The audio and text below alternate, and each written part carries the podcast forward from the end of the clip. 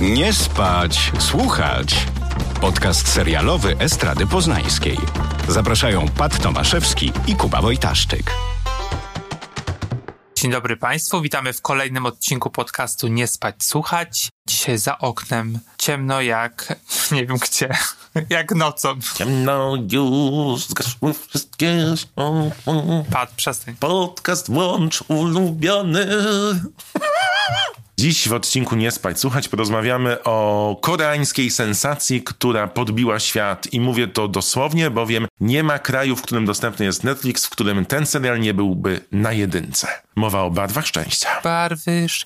E, chciałem zaśpiewać, nie znam piosenki. Ten serial, czyli Squid Game, no pokrzyżował nam trochę plany, ponieważ mieliśmy dzisiaj mówić o najlepszych finałach serialowych. Na upartego można byłoby, można byłoby pociągnąć ten wątek razem z y, tym serialem, ale wydaje nam się, że przez to, że ten serial jest tak popularny i wydaje mi się, że też trochę dzieli odbiorców i odbiorczynie, mm, warto poświęcić mu cały odcinek, ale zanim do tego dojdziemy, porozmawiajmy o najświeższych newsach serialowych. Uch, jakie gorące, jak bułeczki z piekarni. Wow, wow, wow, wow. Trochę glutenu nie zaszkodzi. Dobra, pierwszy news. y, Proszę, zaczynaj. HBO Max, które do Polski wejdzie w 2022 roku, pomimo że y, w niektórych krajach, zwłaszcza skandynawskich, będzie już w tym roku. Ale ponoć wejdzie na początku 2022. No, ja mam nadzieję. Jaka, jaka ekscytacja. No, czekam na to jak stary. Stary już jesteś. To prawda. W każdym razie zadebiutował trailer y, House of the Dragon, czyli spin-off y, gry o Tron. A nie prequel, bo to się dzieje przed? To prequel może Czy również. spin-off i prequel jednocześnie? Jezu. Czyli pre, preak-off, czy Sam jesteś spin-quel? no, trochę jestem. Stary prequel. No prequel chyba, tak? Można powiedzieć, że to jest prequel. Dzieje się to 200 lat przed wydarzeniami e, z, z, znanymi z gry o Tron i opowiada o domu Targaryen. House of the Targaryen. Fire and blood. Dreams didn't make us kings, dragons did. Fire and Blood. czyli z której powstanie nasz mały Hitler e, Daenerys. Mała Hitlerka. Nasza mała Hitlerka. No i to jest ciekawe, ponieważ wiemy, do czego to wszystko doprowadzi, a jednocześnie na maksa czekamy chyba na ten serial. No powiem ci, to jest mało powiedziane. Jak się dowiedziałem, że jedyny prequel na razie, który jest y, robiony, to jest ten, w którym będzie bardzo dużo smoków i cała saga Targaryenów, czyli najbardziej charakternych postaci z gry o Tron zostanie nam przedstawiona, no to ja przebierałem nóżkami jak małe dzieci czekające na przysmaki w przedszkolu, na podwieczorek i drugi podwieczorek. I ja też czasem chodziłem po trzeci podwieczorek. Ojejku, to wiele wyjaśnia. Tak. No i faktycznie um, trailer przypomniał mi te pierwsze trailery, które widzieliśmy z gry o Tron, czyli on jest bardzo klasyczny, bardzo taki mroczny, a jednocześnie taki zapraszający nas do tego świata serialowego. Mamy oczywiście postaci z tymi charakterystycznymi, jasnymi włosami, które widzieliśmy właśnie u Daenerys i jej brata. Co ciekawe, Tangerianowie nie są tylko biali, to bardzo fajnie, że wprowadzić właśnie taką różnorodność tego świata. Ale cały czas oglądając ten trailer, gdzie tam e, Matt Smith, czyli pewnie zakładam, że to będzie główna postać, który gra Dimona Tangeriana, opowiada o tym, że, że tak naprawdę rządzi się, czy zdobywa się tron przez ilość smoków, które się posiada. To jest mega zabawne. No to, to jest racjonalne, Kuba. No oczywiście. Dracaris. Cały czas myślałem o innym serialu, który również jest w produkcji. Nazywa się The Wheel of Time, czyli o tym już wspominaliśmy. To jest serial Amazona z Rosamund Pike w roli głównej. Również o smokach, czy no generalnie fa- świat fantazy. Tamten trailer był taki właśnie naładowany tymi efektami specjalnymi, że tak naprawdę na małych ekranach naszych komputerów no to wyglądało dosyć śmiesznie. A tutaj dostajemy taki klasyk. I to mi się bardzo podobało, że ten trailer był bardziej efektowny niż tamten, pomimo że e, na pewno kosztował mniej. Mniej jakby takich środków wizualnych zostało użyte, takich wiesz, efektów specjalnych i tak dalej do powstania tego. Bardziej przypominał mi ten House of the Dragon, nie wiem, jakiś taki, wiesz, film średniowieczny może, na takiej zasadzie. Wszystko mówisz na podstawie minutowego zwiastuna, podoba mi się. Ej, 70, 70 sekund trwał, 77.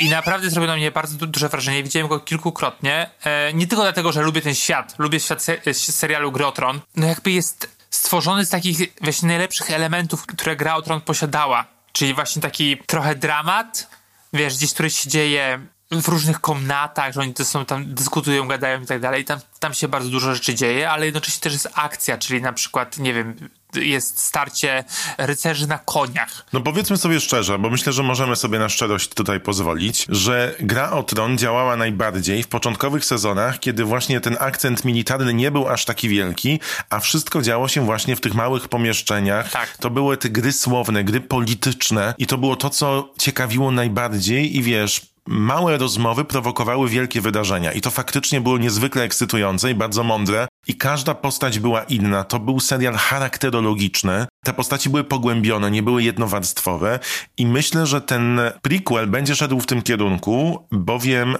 cały budżet, który idzie, a tam ponoć 15 milionów dolców leci na odcinek, a więcej niż na grę o Tron na pewno, idzie w produkcję smoków, co oznacza, że cała ekipa do efektów specjalnych robi wszystko, by te stworzenia wyglądały na realne. To jest ogromny koszt, nawet gargantuiczne ilości kasy idą na to. Z innymi rzeczami trzeba już iść bardziej po ludzku, czyli nie robić za dużo innych rzeczy na efekty specjalne. I myślę, że tutaj ten serial wygra, bo pójdzie charakterologicznie. W przeciwieństwie do Wheel of Time, gdzie mamy naszpikowane to właśnie efektem na efekcie, podejrzewam, że jedyne co pójdzie to oczywiście budowanie świata, tak? No bo to jest ten świat, który znamy z gry o Tron. On będzie troszkę inny, bo ci, którzy znają historię Targaryenów z książek George'a R. R. Martina, szczególnie z Dance of the Dragons, czyli tą całą historię, plus ostatnie dwa tomy Fire and Blood chyba to się nazywało, chociaż mogę teraz pomylić się. To jest historia bitew e, rodziny Targaryenów o władzę i dominację i w przeciwieństwie do gry o Tron jest to historia skończona. Czyli twórcy planując ten serial mają materiał od początku do końca. Nie tak jak twórcy gry o Tron, którzy musieli wymyślać na podstawie tego, co im George powiedział albo nie i potem nagle mądre postaci robiły się głupie i podejmowały bardzo niemądre decyzje. Tutaj tak nie będzie, bo mamy od początku do końca wszystko naszkicowane, więc tylko jedyna nadzieja, żeby tego nie zepsuć. Ciekawe, jak się będą różnić te światy. Przez 200 lat dużo się może wydarzyć i na przykład, nie wiem... No nie, Polska wygląda tak samo, więc... Prawda, nie, nie będzie koła na przykład, albo no nie wiem. Nie będzie koła! Albo wiesz, będą na przykład mieli takie samochody jak z Flintstone. Ale byłoby super, gdyby na przykład bardziej zaawansowana cywilizacyjnie byłaby ta część, nie? Tylko potem się okazało, że był upadek wielki i na przykład oni mają tablety i takie rzeczy. No. tak, super. To by było super. Bardzo mi się też podoba, że nawet z historii gry o Tron wiemy, że na początku gry o Tron żaden smok nie przeżył, prawda?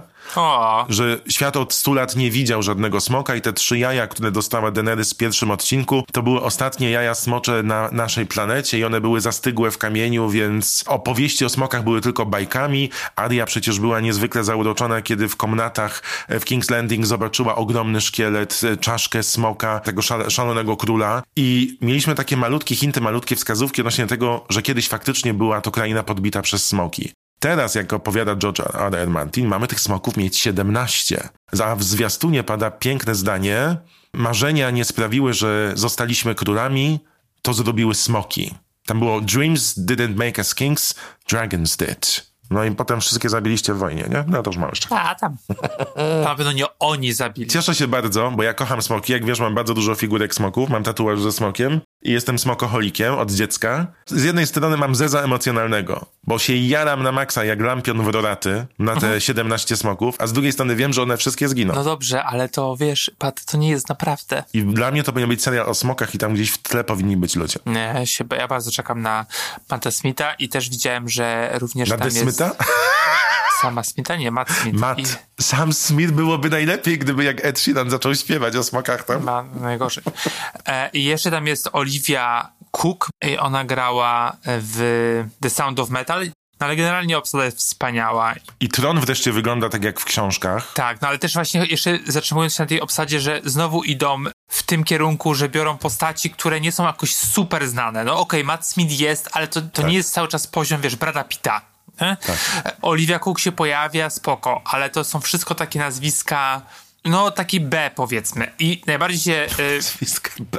no wiesz, no bo nie są tak super znane. Tak, są, to są, cię, to są, to są do, dobre, do, dobrzy aktorzy, dobre aktorki, ale jednocześnie nie aż tak znane. Twoja ulubiona Eve Best. A nie widziałem jej zwiastu, nie jest? No nie, nie zwiastunie, ale widzę, kto jest w kaście. Tak, no. ale, ale na przykład między innymi jest też y, Sunia Mizuno, czyli najbardziej drewniana aktorka świata z Devs, aczkolwiek Jednakowoż? w Ex Machinie e, właściwie nic nie mówiła, chyba powiedziała jedno zdanie i grała bardzo ciekawie. Grała co prawda robota, więc to ta jej drewnianość była idealna. Więc no zobaczymy. Jestem bardzo, bardzo ciekawy i chyba to jest taki serial, na który najbardziej czekam w 2022 roku, mimo że jednak to jest fantazy. Tak, to prawda. Mnie się bardzo podoba jeden komentarz pod zwiastunem na YouTubie, który na tę chwilę ma 8,5 miliona odtworzeń. I komentarz brzmi: Nie mogę się doczekać na serial. Mniej czekam na to, jak wszyscy zaczną farbować włosy. Haha, haha. To to jest zwiastun serialu House of Dragon, który HBO Max pokazał na specjalnym evencie p- promującym wkroczenie do Europy tej e, usługi i platformy. Ale to nie jest jedyna rzecz, którą pokazał HBO Max, ponieważ zaprezentował również fragment e, serialu HBO And Just Like That, czyli spin-offa kolejnej części, kolejnej odsłony Seksu w Wielkim Mieście bez Samanty. Pytanie, czy to jeszcze Seks w Wielkim Mieście bez Samanty, która dla mnie była najżwawszą i najlepszą postacią z całego serialu. Mamy taki materiał z zakulis, gdzie widzimy, jak e, bohaterki grają w serialu i Sarah Jessica Parker zaprasza na premierę, która odbędzie się, uwaga, w grudniu jeszcze tego roku. It's Sarah Jessica. Hello from New York City, Fifth Avenue. Shooting as we speak the next chapter of Sex and City, and just like that will premiere in December on HBO Max. Nie interesuje mnie to zupełnie. Nie oglądałeś Samanty w Wielkim Seksie? Oglądałem Samantę w Wielkim Mieście i to była moja ulubiona bohaterka, ale to są takie odgrzewane kotlety, ale to już takie naprawdę odgrzewane. Znaczy ja jestem bardzo zainteresowany tym, co oni zrobią, bo jednak cały serial, mimo że wszyscy mówią o tej Jessice i o pozostałych bohaterkach, Cynthia Nixon, ale no wszyscy wiemy, kto był seksem w Wielkim Mieście. I jestem bardzo ciekaw, jak to się charakterologicznie albo fabularnie zwróci bez niej, no bo te trzy postaci nie są tak charyzmatyczne i nigdy nie były. A szczególnie, że teraz będą opowiadały historię w wieku 50+. Plus. Więc Tak, ja mam takie dwa dylematy. Po pierwsze, robienie filmu, czy robienie serialu o samych białych laskach znowu w XXI wieku, naprawdę to już jest super passé. Jakby to tak samo jakby zrobić serial o samych białych kolesiach, no już bez przesady, naprawdę. Ale tam jest Sara Ramirez, czyli Kylie z Grey's Anatomy, która dołącza do obsady i ona ma grać niebinarną e, postać. No super. Mogli zatrudnić niebinarną aktorkę, a- czy aktora. Ona jest niebinarną aktorką. No i super. Dobra, to masz wię- więcej informacji niż ja. Zobaczymy, czy nie pojawi się w jednym odcinku. No pewnie tak. Pewnie tak. Co może być dobre? Opowiadanie o seksie kobiet po pięćdziesiątce. To jest mega ciekawe. Tego nie ma. Bo no generalnie, wiesz, wiek aktorek kończy się w wieku 30 lat max e, w Hollywood i później to już grają siostry, koleżanki i tak dalej. Więc takie podejście może być bardzo ciekawe. Tylko, żeby to nie było znowu, wiesz, zinf- zinfantylizowane, tylko faktycznie pokazanie, nie wiem, no jakby naświetlenie problemu, że te kobiety są niewidzialne po pięćdziesiątce, że jej właściwie nie ma. Mm, Też mają życie seksualne, uczuciowe i tak dalej. Więc pod tym względem to może być mega interesujące i takie otwierające. Jak do tego podejdą y, twórcynie i twórcy, no, no zobaczymy. No filmy pokazały, że nie za dobrze.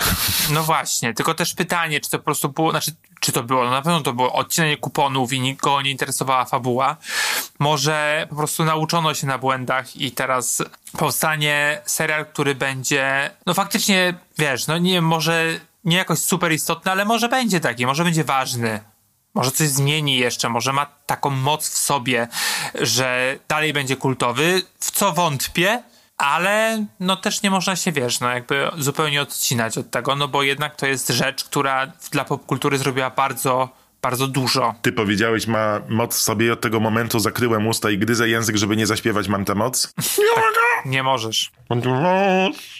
Chyba coś ty zrobił. Dobrze. To to jest And Just Like That, premiera w grudniu 2021 roku. Zobaczymy z ciekawości, ale na bardzo, bardzo żałuję, że nie będzie tej Samanty i że się panie nie dogadały. Ten tytuł jest dziwny też, że w ogóle nie nawiązuje. No nawiązuje, bo ona zawsze mówiła And Just Like That w tych swoich monologach. Aha, ja tego nie oglądałem właściwie, więc wiesz, trudno mi Ja to coś powiedzieć. ogląda... Ja po- powiem ci w ogóle hit. Ja ten serial oglądałem jak byłem w Radio Afera, jak miałem z 18 albo 19 lat. I wtedy program popołudniowy prowadził taki Przemek, e, który bardzo lubił korporacje i wychodził na fajkę Ja wtedy wchodziłem, bo miałem newsy popkulturalne i opowiadaliśmy sobie o Samancie z Wielkiego Seksu, co ona wyrobiła. Okej. I to było do, na tyle wspaniałe, że w międzyczasie były, wiesz, kwestie samochodowe, sportowe i nagle, wiesz, kto by nie wchodził, to zaczynała się Samantha z Wielkiego Seksu, więc była uwielbiana przez wszystkich wszędzie i do tego stopnia nas zainspirowała, że to chyba wtedy pierwszy raz zadzwoniłem do firmy ITI, która w Polsce wydawała Seks w Wielkim Mieście na kasetach VHS w częściach i wysłali nam żeby rozdać kasety VHS na antenie. No widzisz, to teraz nie będziesz miał takiej okazji. Nie, jeszcze wydają, bo na przykład wczoraj zobaczyłem, że Meds Easttown wyszła na DVD. Czaisz, no kto ma jeszcze pół odtwarzacz DVD działający? Masz? Nie, No ale no, ludzie lubią. A propos powrotów do przyszłości, Marvel ujawnił, ale tak nieoficjalnie, że zamierza ożywić serial Daredevil, który przez trzy sezony pojawił się na, na Netflixie. Pamiętasz, że Marvel miał taką umowę z Netflixem, jak Netflix rozpoczynał swoją ekspansję wielką, że kilka seriali tam stworzył. To była Jessica Jones. Lubiłeś ją? Nie, nie lubiłem tych seriali w ogóle. No, Iron Fist był najsłabszy, Defendersi byli jeszcze gorsi, ale Punisher był spoko według mnie i ten Daredevil też był okej. No tylko, że oni mieli tam małe przestrzenie, to były niskobudżetowe produkcje i ten Daredevil ma powrócić, ale teraz uwaga, bo jest e, kruczek do tego wszystkiego. Mają zatrudnić tych samych aktorów i te same aktorki, ale mają one grać lekko inne wersje postaci, w które już się wcielali. Czyli niby to samo, ale jednak inaczej. Co to znaczy lekko inne wersje? Czyli pewnie z innymi historiami, tak jakby istniały w równoległej rzeczywistości. No to jest bardzo teraz modne. No i ewidentnie Marvel w to idzie. Ja oczywiście bardzo lubię Marvela i staram się oglądać wszystkie te produkcje. No tych Netflixowskich nie widziałem i to w ogóle... Tobie by się Punisher spodobał. No właśnie, ja widziałem chyba jakieś, nie wiem, może kilka minut, coś takiego. Na pewno tego Daredevila widziałem więcej i e, Jessica Jones i generalnie to do mnie zupełnie nie, to zupełnie nie przypasowało. Dużo bardziej e, pasują mi te seriale teraz na, Disney, na Disneyu, czyli Loki, czyli WandaVision, czyli Falcon and the Winter, and the Winter Soldier. I nawet czekam na Hawkeye'a, co jest, e, czyli najgorszą postać. Szklana pułapka, tak. I generalnie ja miałem zawsze wrażenie, że te, te seriale Netflixowskie są bardzo takie mm, oderwane od tego głównego Marvela jakby. Tak, tak było. I to też to był czas, jak one powstawały, że jakby ten Marvel się tak naprawdę tworzył, w sensie ten, te uniwersum filmowo i teraz serialowe i one były takie trochę traktowane po macoszemu, zresztą co, co, co zresztą pokazuje to, że bardzo szybko po prostu zamknięto te produkcje. No ale zakładam, że Daredevil jest taką postacią, która ma bardzo dużo fanów i fanek, no i przez to Disney i Marvel zaczęli się tą postacią na nowo e, interesować. No to, to, to jest ciekawe, czy będę oglądać, nie wiem. E, te, też zależy, jak ta fabuła zostanie poprowadzona. Jeżeli to będą takie, wiesz, odcinki, że każdy odcinek będzie o czymś innym, o innej, jak wiesz, jak CSI na przykład jest, jak to ma jakąś swoją A nazwę. wiesz, że CSI wrócił? Jezu! CSI Vegas jest. W ogóle to jest hit na hity. Przepraszam, nieładnie ci przerwałem, ale to trzeba powiedzieć. No jak generalnie będą takie standalony, no to dziękuję bardzo. Jeżeli to będzie fa- fabuła, która będzie być może nawiązywać do całego Marvela, tym lepiej. I no i właściwie tyle. A ty co myślisz? Ty chyba nie jesteś zbytnio wielkim fanem Marvela. Chyba o tym rozmawialiśmy nawet, że no ja nie wyrastałem aż tak bardzo w kulturze Marvela, No lubię tak. to i to są filmy, które lubię zobaczyć raz, bo dla mnie one są niezwykle schematyczne. To prawda. Ja się dobrze bawię w kinie i chodzę na te filmy i bardzo to lubię, natomiast nie jestem z tym zżyty, zżyty bardzo. Po prostu lubię to, to towarzyszy. To jest fajnie, że to jest jakoś połączone i że kojarzę tych bohaterów, ale żeby miał żyć wokół tego, mm, nie. No, zobaczymy. Właśnie, ciekawe kiedy Disney wejdzie do Polski. Skoro już y, mowa właśnie o Marvelu i tak dalej, nie? No też czekam na to, żeby sobie wszystko tam zobaczyć i zobaczyć mam tę moc. Nie, na pewno nie będę Chociaż tego... chyba lepsze piosenki są z Wajany. A w ogóle ty znasz historię z Wajany i Moany? Nie. Że wszędzie na świecie to się nazywa Moana, a u nas Wajana i wiesz dlaczego? Nie, nie wiem, o czym ty mówisz, Pat. No o hicie Disneya, który pokazuje kulturę oceaniczną, jeżeli się nie mylę. Polinezyjską. Okej. Tam nie ma ani jednej chyba białej postaci, co jest super, jeżeli chodzi o bajkę Disneya. I ona nazywa się Wajana po polsku. Maciej Maleńczuk gra tam jedną z piosenek. I uwaga, nazywa się Wajana w Polsce, bo jak się wpisze w Polsce Moana, to wychodzi gwiazda porno. O nie. Tak, Ale i dlatego przykre. zmienili w tej części. No. No widzisz, mogli zostawić, może by przybiło na przykład. Już widzę te wyszukiwania. Nie spać, słuchać. Proszę Państwa, w odcinku Nie Spać Słuchać zajmujemy się obecnie tematem, o którym mówi cały świat. Squid Game. Satyra społeczna, Igrzyska Śmierci, czy zabawy z dzieciństwa doprawione krwawą, brutalną rzeźnią. Ne. Dlaczego cały świat... Czekaj, robię to ja na, na Jaworowicz. Dlaczego cały świat ogląda ten serial? Dlaczego wszyscy o tym mówią? Dlaczego 17 miliardów hashtagów na TikToku powstało w ramach produkcji, która pojawiła się dopiero 17 września? O tym teraz. W Nie Spać Słuchać. Łączymy się z Kubą Wojtaszczykiem, który jest w Korei. Halo Kuba. Północy w więzieniu siedzę. O Jezus. No właśnie, Kuba mi napisał, nie rozumiem tego fenomenu Squid Game. A ja mu odpisałem, ja kocham Ty kochasz fenomen czy serial? y, wszystko.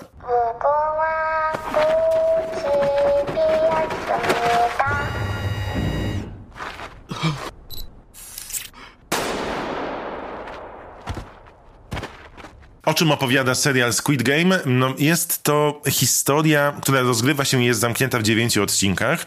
Opowiada historię zadłużonych osób, które dostają możliwość wzięcia udziału w pewnej grze, której zasad nie znają. Trafiają uśpieni w pewne miejsce, które nie jest im znane, no i okazuje się, że muszą rozwiązywać zagadki na podstawie gier albo brać udział w grach które znają z dzieciństwa. Szkopuł w tym, że jeżeli odpadną albo źle rozwiążą, to umrą. A dlaczego biorą udział w tej grze? Ponieważ mogą wygrać ekwiwalent 40 milionów dolarów. Umierają, zostają zabici, może tak, po prostu brutalnie. Również mogą być zabici przez swoich współtowarzyszy i współtowarzyszki tej, no nie wiem czy niedoli, bo sami sobie zgotowali ten, zgotowali ten los O, poetycko. i ta kasa, jak się szybko okazuje, jakby powiększa się, ta pula się powiększa wraz z, zabi- z zabitymi e, osobami, e, które odpa- odpadają z, e, z siłą rzeczy z gry. I teraz jeszcze jedna rzecz, o której y, nie powiedziałem, czyli te gry organizowane są przez elitarną grupę bogaczy, którzy nie płacą podatków. Mm, tak, to prawda. Powiedzmy trochę o tym fenomenie, bo to jest to, co rzeczywiście jest niespotykane. 95% widowni nowego serialu Netflixa to widownia spoza granic Korei Południowej. Co więcej, serial wygenerował taki ruch w internecie, że obecnie na przykład główny prowajder dostawca internetu w Korei pozywa Netflixa za zwiększenie trafiku i przez to nieuczciwą konkurencję w stosunku do pozostałych graczy na rynku. Serial stał się numerem jeden we wszystkich krajach, z których Netflix czerpie swoje dane e, statystyczne. To się jeszcze nie zdarzyło, a Ted Sarandos, który jest e, prezesem Netflixa, powiedział, że to największy tytuł w historii Netflixa i co ciekawe, tytuł, który przez 10 lat był każdorazowo odrzucany przez wszystkie studia, do których zgłosił się twórca. I weź to teraz wytłumacz, nie? Na pewno ten fenomen e, wziął się z tego, że Netflix w pewnym momencie zaczął e, stawiać na filmy e, z Korei Południowej. To się wzięło od K-popu, który jest super popularny, czyli koreańskiego popu. Duża w tym zasługa wygranej na Oscarach Parasite'a. I to wespół po prostu spowodowało, że jakby jest duża chęć oglądania produkcji z tej części świata. I do tego dochodzi pandemia, która no, w jakiś taki trochę pokrętny sposób trochę przypomina fabułę tej gry, te, tego filmu, ponieważ postaci są zamknięte, oddzielone od innych ludzi, no też muszą przeżyć w jakiś sposób, no i specjaliści, specjalistki jakby spekulują, że to mogło również wpłynąć na tę niesamowitą popularność mm, Squid Game'u. Do tego dochodzi cała kultura memowa, która po prostu zalała w pewnym momencie e, internet. Ja tych memów zupełnie nie kupuję i zaraz powiem dlaczego. I mnie absolutnie nie śmieszą. No i oczywiście TikTok, o którym wspomniałeś. E, ja czytałem z kolei, że już ponad 22 miliardy O, już poszło pięć więcej. wyświetleń jakby tego hashtagu Squid Game mm, jakby pow- powstało. No i tak, no i wspomnieliśmy o tym, że uczestnicy i uczestniczki e, tego Squid Game'u muszą wykonywać różne zadania, które są znane koreańskiej widowni bardziej niż, e, znaczy pewnie w 100% bardziej niż, niż w innych częściach świata, e, no to są takie różne z dzieciństwa. Na przykład nazywa się zielone światło, czerwone światło. To znaczy, że postać tutaj olbrzymia lalka Wspaniała ona jest. Ona powinna być na każdym skrzyżowaniu u nas. śpiewa pioseneczkę i osoby w tym momencie mogą się ruszać. Jeżeli ona się odwraca, muzyka staje, znaczy przerywa się i kto się poruszy, zostaje zabity. To jest pierwsze zadanie. Z kolei inne, no to było takie, dostawali takie jakby ciasteczka, czy jakiś kawałek Plastry miodu. To jest To był mm, plaster cukier miodu, roztapiany z miodem z sodą oczyszczoną. I tam były różne kształty. Tam y, kółko, gwiazdka, y, parasolka i coś tam jeszcze. I trójkąt. I mieli igłę, te postaci, i musiały y, jakby ten, wyciąć tak, w taki sposób ten kształt, żeby się nie połamał. No i kto oczywiście przegrał, to umierał. To oczywiście. No tak. No i e, osoby na TikToku odgrywały i to wycinanie, i to takie zatrzymywanie się. No okej, jakby why? I don't know. I podobnie te memy. Ten serial jest super krwawy. Ja naprawdę mam dużą tolerancję. I te osoby faktycznie tam umierają. I jakby śmianie się memiczne z tego, no jakoś mi tak nie, przys- jakby nie przystaje mi. Rozumiesz, o co mi chodzi? Że dla mnie było to much. I na początku też tak zrozumiałem. Natomiast przeczytałem świetny artykuł w, e, w Obserwerze chyba, albo to był BuzzFeed News, gdzie było powiedziane, że ogromna popularność memów ze Squid Game'em to jest reakcja ludzi na radzenie sobie z brutalnością tego obrazu. Że łatwiej przysposobić sobie to i przyjąć w momencie, w którym od razu zamieniasz to na żart, bo ten serial jest zbyt brutalny, żeby go tak przetrawić. I faktycznie, tu musimy powiedzieć na dzień dobry, jeżeli ktoś jeszcze nie widział, tam w przeciągu dziewięciu odcinków ginie kilkaset osób. W Igrzyskach Śmierci ginęło tam 36 czy coś takiego. Nie, 12 dystryktów po dwie, 24 osoby, nie? Plus dodatkowo. A tu mamy, kurczę, uff, kilkaset. No jest rzeźnia. Jest rzeźnia, to prawda. Ja jak zobaczyłem ten serial, to sobie pomyślałem też, dlaczego on może tak podobać się ludziom albo budzić taką ciekawość, bo też bardzo ładnie nawiązuje do popkultury, czyli są elementy, które pastelowo nawiązują do gry na przykład Monument Valley, jak oni idą na tę arenę. Są elementy, które mi bardzo przypominają film Cube sprzed kilku nastu albo dziesięciu lat już. A Oczywiście są nawiązania i, i wiadomo to Igrzyska Śmierci, no i bardzo dużo e, gier i filmów, które gdzieś tam istnieją w tle. I to mi się kurczę spodobało, bo gra na takich znanych nutach. Tylko, że dodaje do tego olbrzymią dawkę brutalności i jednocześnie kapitalizmu, który jest pokazywany na drugim planie, ale myślę, że jest odczytywalny bez względu na kraj, w którym ten serial jest pokazywany. I faktycznie on łapie. No mnie złapał tak, że ja zobaczyłem go w całości, a rzadko ostatnio się tak działo. To może zatrzymajmy się na moment na tym kapitalizmie, bo faktycznie to są osoby zadłużone, często z nizin społecznych. Faktycznie to są różne postaci, bo niektóre są po prostu zadłużone przez przypadek, powiedzmy, nie mają innego innego wyjścia, a niektóre są po prostu, no gdzieś tak bytują na takich granicach przyzwoitości. No, hazardziści albo gracze giełdowi, którzy wiesz, przegrali majątki. Też jest morderczyni, więc, która zresztą jest świetna, może za dużo powiedziane, jest ciekawa, bo nie chcę tutaj chwalić tego serialu, ponieważ ja go nie lubię. Ale co mi się podobało, to właśnie taka krytyka kapitalizmu e, dosyć pokrętna, że nie tylko mówi właśnie o sytuacji ludzi w Korei, bo tam na przykład jedna z postaci, kobieta mówi, że może nie jestem inteligentna, ale nigdy nie dostałam możliwości, żeby się edukować. Ale i tak wam mogę pomóc w tej grze, bo tam musieli się w pewnym momencie te postaci zebrać w grupy. I to jest bardzo fajne. To jest innowacyjne i e, na pewno mm, ta, ta, ta warstwa taka właśnie krytyki współczesnego świata, która w większości pewnie krajów europejskich również się, znaczy można się odnaleźć po prostu w tej, w tej sytuacji tych, tych osób. Zwłaszcza, że wiesz, że teraz pędzi inflacja u nas i jakby to wszystko, e, co, co zrobisz, żeby, żeby po prostu, no wiesz, móc zacząć żyć na nowo jakby jaka jest twoja, co możesz poświęcić, żeby po prostu odnaleźć się w rzeczywistości. No i to jest, to jest ciekawe.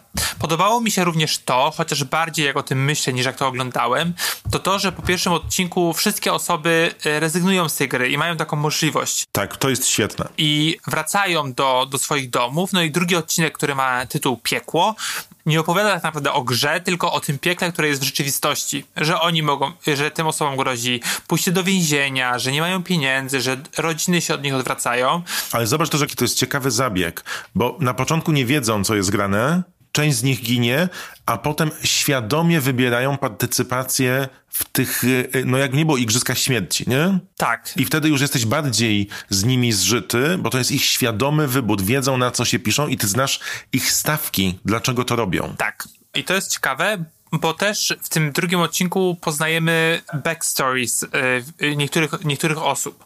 I to jest okej, okay, tylko niestety dla mnie te historie tych osób są nieciekawe, są e, bardzo e, sztampowe. I wiemy już, kto będzie głównym bohaterem, główną bohaterką, kto przeżyje, a kto nie, kto jest dobry, kto jest zły, komu się tylko noga podwinęła w życiu, a komu nie. Jak na przykład tej dziewczynie, za którą płacze po prostu cały internet teraz. Zresztą bardzo dobrze zagrany. Tą, która obiecała uwolnić swoją rodzinę z Korei Północnej. To znaczy bardziej, bardziej brata, tak, bo to jest taka historia, mhm. że ona jest z Korei Północnej, e, ojciec próbował się dostać do Korei Południowej i ginie, matka zostaje zamknięta w więzieniu, e, pozostaje złapana w Chinach i jest tylko ona z bratem.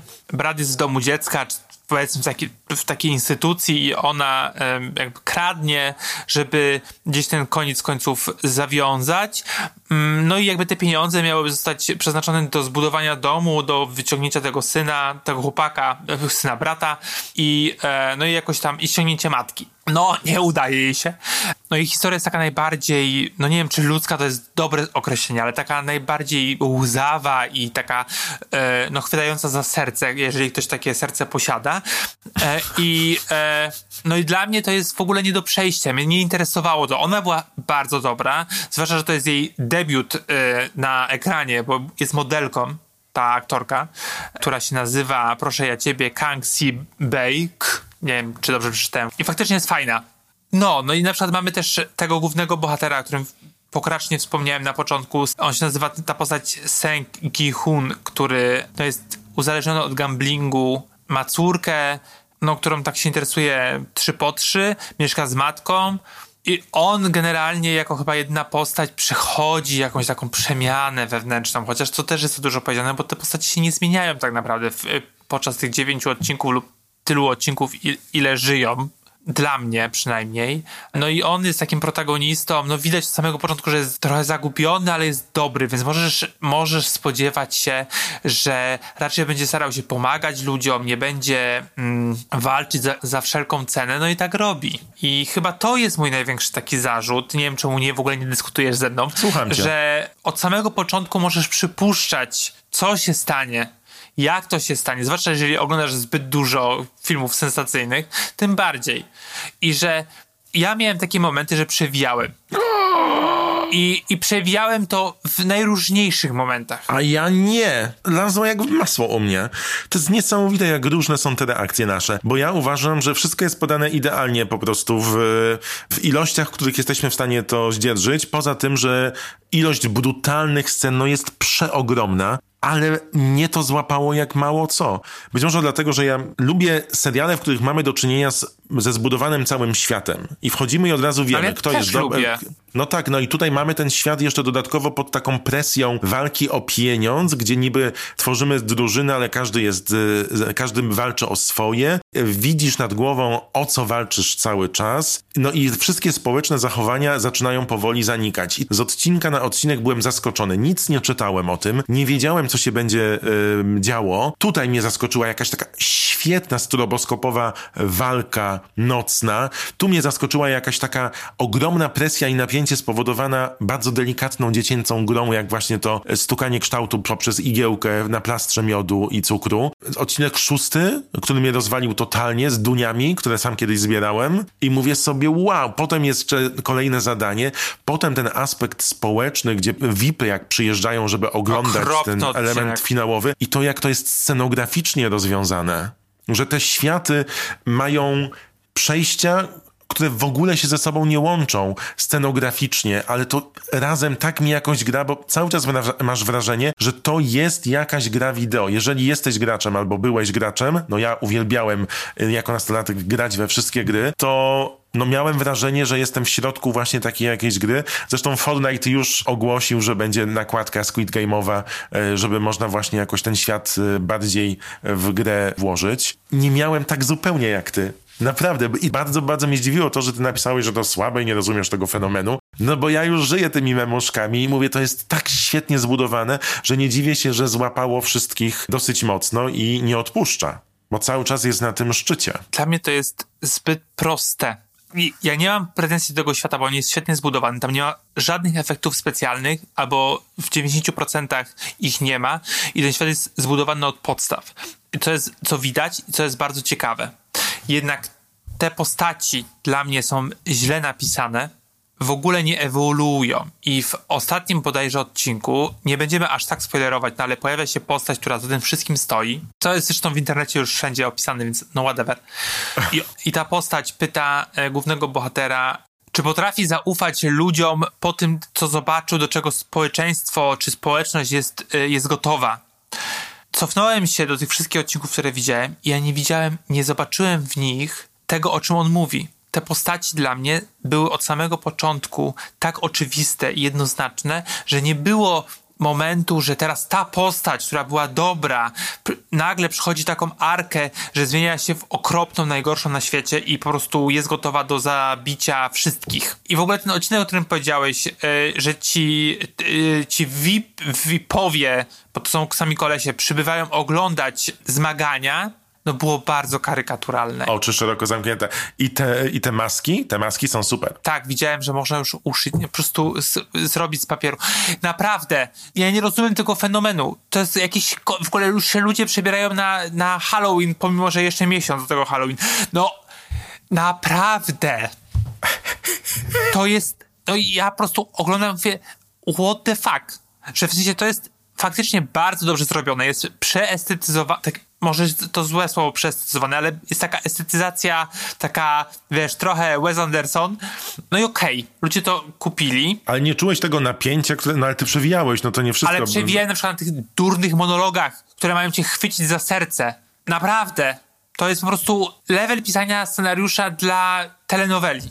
I że musisz z nimi jakoś bardziej, nie wiem, jeszcze bardziej im kipicować, albo na przykład tam jest, to, to, na przykład takie są takie, wiesz, słabe zabiegi właśnie typu małżeństwo, które musi tam ze sobą konkurować na przykład, ja bym na przykład bardziej chciał z nimi spędzić czas, bo oni są bardziej interesujący. A tutaj mamy takie postaci, zwłaszcza męskie, bo te, tych kobiecych jest strasznie mało, do, do czego zaraz dojdziemy pewnie, które są no średnio ciekawe. I ten, ta główna postać jest takim klasycznym e, po prostu evergreenem, że możesz y, w jakiś sposób w jego buty wejść i zrozumieć motywację, no ale te motywacje zawsze są podyktowane tym, że no on ma jednak dobre serduszko i pomoże wszystkim dookoła. Dobre serduszko nie pomoże ci przetrwać na takiej grze. Mnie się podoba to. Ja wszedłem w tę grę jako w grę i oglądałem ją z ogromnym zaskoczeniem do końca.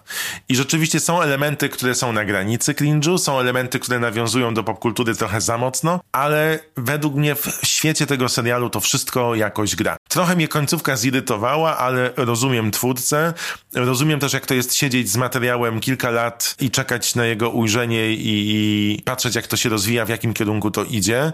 Uważam, że super są wykorzystane elementy z dzieciństwa, sprzedawane w zupełnie nowym zakresie. No i myślę, że taka walka o przetrwanie w imię pieniądza i taka mała diagnoza, czym obecnie świat się rządzi i jak wpływa na życie ludzi dookoła, no jest bardzo ciekawie podana. I jeszcze wracając do, wracając do kobiet, jest ich bardzo mało. Jedna to jest ta, ta młoda dziewczyna, o której wspomniałem. E, no i mamy jeszcze dwie postaci. I za każdym razem są po prostu poniżane przez tych kolesi, że nie brane są do grup, bo to są kobiety, są gorsze i tak dalej. I też jakby ten serial bardzo mocno y, trzyma się takiego stereotypowego postrzegania kobiet, ponieważ to nie tylko mężczyźni obecnie w grze uważają, że kobiety są słabsze, ale wydaje mi się, że też właśnie sam serial, sami twórcy tak do tego podchodzą, bo kobiety spełniają tam tylko taką rolę właśnie, no tutaj jest ta młoda dziewczyna, która musi tego brata uwolnić, no i właściwie na tym w dużej mierze my bazujemy, nasza sympatia bazuje, że ona musi do tego, po tego brata e, wrócić, biedna dziewczyna.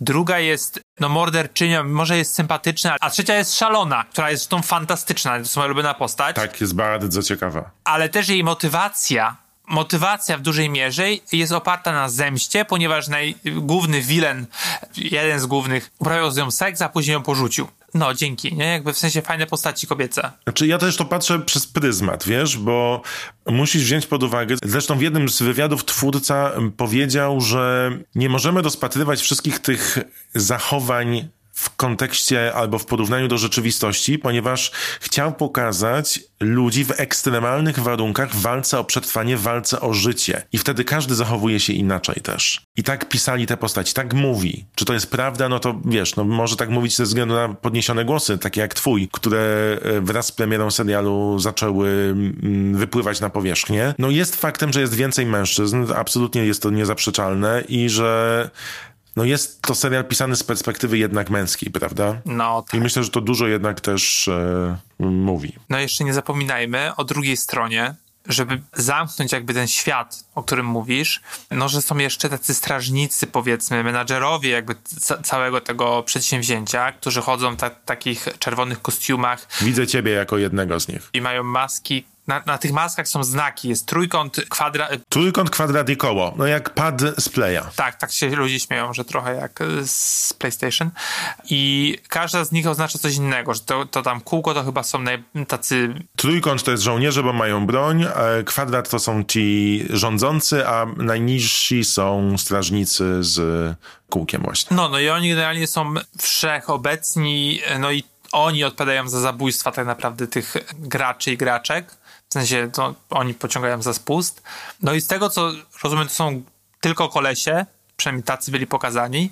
No i takim mm, jakby osobą, która wchodzi w ten świat jest policjant, zresztą też spoko e, zagrana postać. Aktor się nazywa Wihana Jun. E, no i dzięki niemu e, w jakiś sposób e, tak infiltrujemy ten świat od drugiej strony, ale też nie za bardzo. W sensie to jest akurat spoko, że, że nie jest jakby cały czas ta tajemnica jest jakby utrzymana, że nie wiemy jak się oni rekrutują, chociaż to by, fajnie by było nas o tym poinformować może, no ale że tam du dużo tego czasu nie, sp nie spędzamy aż tak jak, jak z graczami, graczkami. Mm-hmm. No jedyne co, no to on tak infiltruje i ma iPhone'a no po prostu starcza mu ta bateria na bardzo długo. To jest mój ulubiony mem, że bateria jego w iPhone'ie jest, jest dłuższa niż większość związków ludzi. tak, no i oczywiście Netflix tego nie porzuci nigdy w życiu, aczkolwiek powiem ci, że finał, w sensie ta ostatnia scena, może nie będę jej zdradzać, pozytywnie mnie zaskoczyła.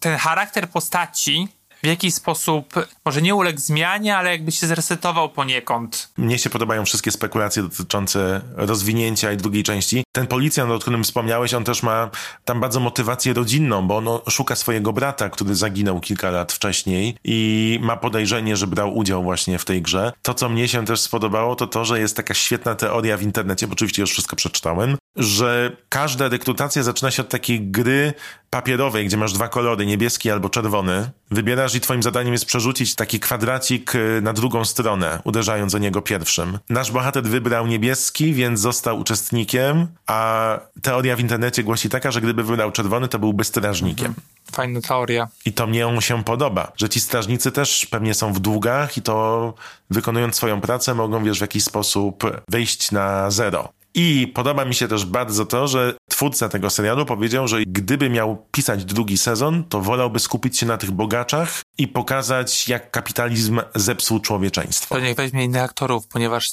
ci Amerykanie, którzy tam pojawili się, to są gdzieś, nie wiem, spod kamienia wyciągnięci chyba. Okropna gra aktorska. Może chodziło o takie karykatury, wiesz? Tak mi się wydaje. Też yy, spotkałem się z taką opinią, że yy, teraz Amerykanie mogą poczuć się na przykład jak Rosjanie we wszystkich amerykańskich filmach. tak.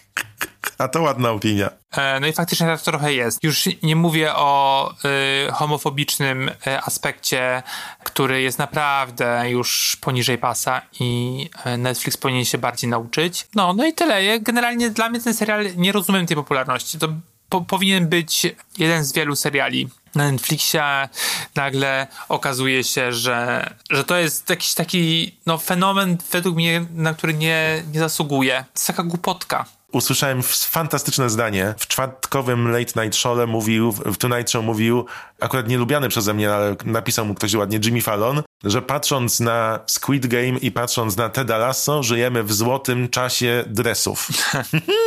No i Kuba narzeka, a ja zachęcam. Mnie złapał, ale też sam odkryłem, że tyle oglądam tych produkcji i tak często to ludzkie życie jest, wiesz, traktowane po macoszemu, że tak często bohaterowie giną ostatnio w produkcjach różnych, w serialach, w filmach, że trochę nie, nie masz wrażenia, że uniewrażliwiamy się na to? Ja się uniewrażliwiłem już bardzo dawno temu, jak miałem lat 7 i obejrzałem y, y, Jurassic Park pierwszy raz w życiu. Od tego momentu nie mam we mnie zakrzty emocji. Dzięki Spielberg. Dzięki Steven. I tym samym kończymy kolejny odcinek podcastu Nie Spać Słuchać. Dziękujemy, że wytrzymaliście z nami. Mam nadzieję, że nasze narzekanie jeszcze wam sprawia przyjemność. Tak, dziękujemy. Za tydzień kolejny, kolejny odcinek. odcinek. Jak przeżyjemy, chyba że nas wezmą do Squid Game. Ja bym Polish Game. w tym. A co byś zdobył z 40 milionami, gdybyś wygrał dolarów? Nie wiem, prowadziłbym się gdzieś do Włoch na przykład, na południe. I kupił dom z Call Me By Your Name?